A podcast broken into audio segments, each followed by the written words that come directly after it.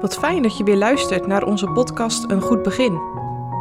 We nemen je mee door het Evangelie van Marcus en helpen je om van stap tot stap dit Evangelie te begrijpen. Vandaag met Dirk-Jan Nijsink. En Jezus, gezeten zijnde tegenover de schatkist, zag hoe de schare geld wierp in de schatkist. En veel rijken wierpen veel daarin. En er kwam een arme weduwe, die twee kleine penningen daarin wierp, het welk is een oord. En Jezus, zijn discipelen tot zich geroepen hebbende, zei tot hen, Voorwaar, ik zeg u, dat deze arme weduwe meer ingeworpen heeft dan allen die in de schatkist geworpen hebben. Want zij allen hebben van hun overvloed daarin geworpen, maar deze heeft van haar gebrek al wat zij had daarin geworpen, haar hele leeftocht. Vandaag wil ik het eens over je bankrekening en je gelduitgaven hebben. Nee, dat is misschien niet een gebruikelijk thema binnen de kerk. Toch is het erg belangrijk. Misschien wel belangrijker dan wij denken. We zijn geneigd geestelijke dingen los te maken van ons dagelijks leven. Maar de Heer Jezus verbindt ze juist aan elkaar. De mate waarin wij verwaterde, verwereldlijkte christenen zijn, blijkt misschien wel het meest als we in onze bankieren-app naar ons uitgavenpatroon kijken. De aardige, gulle gever uithangen als je goed bij kas zit, is niet zo moeilijk. Alhoewel, soms lijkt het juist wel moeilijker om te geven als het geld op je rekening toeneemt. Wat is dat toch met geld? Het heeft een magische uitwerking op ons hart. Wat dat betreft zijn we allemaal een beetje een oom Dagobert Duck in het klein. Als ik diep in mijn hart kijk, weet ik dat ik praktische gebeden het meest nodig heb. Agur, je kunt dat lezen aan het einde van Spreuken, bad dat God hem wilde bewaren voor armoede, maar ook voor rijkdom.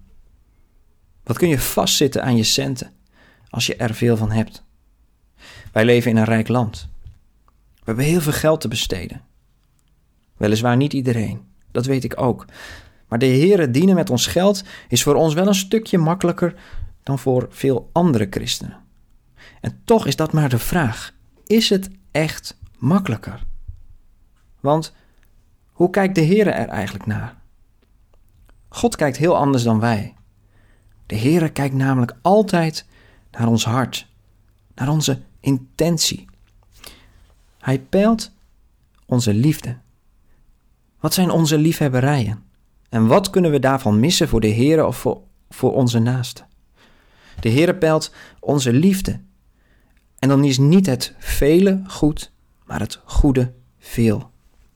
Zo peilt Jezus ook het hart van deze arme weduwe. Ze had echt geen stuiver meer te besteden. Nou ja, twee pennetjes dan. En uitgerekend, die laatste twee geeft ze aan de Heere.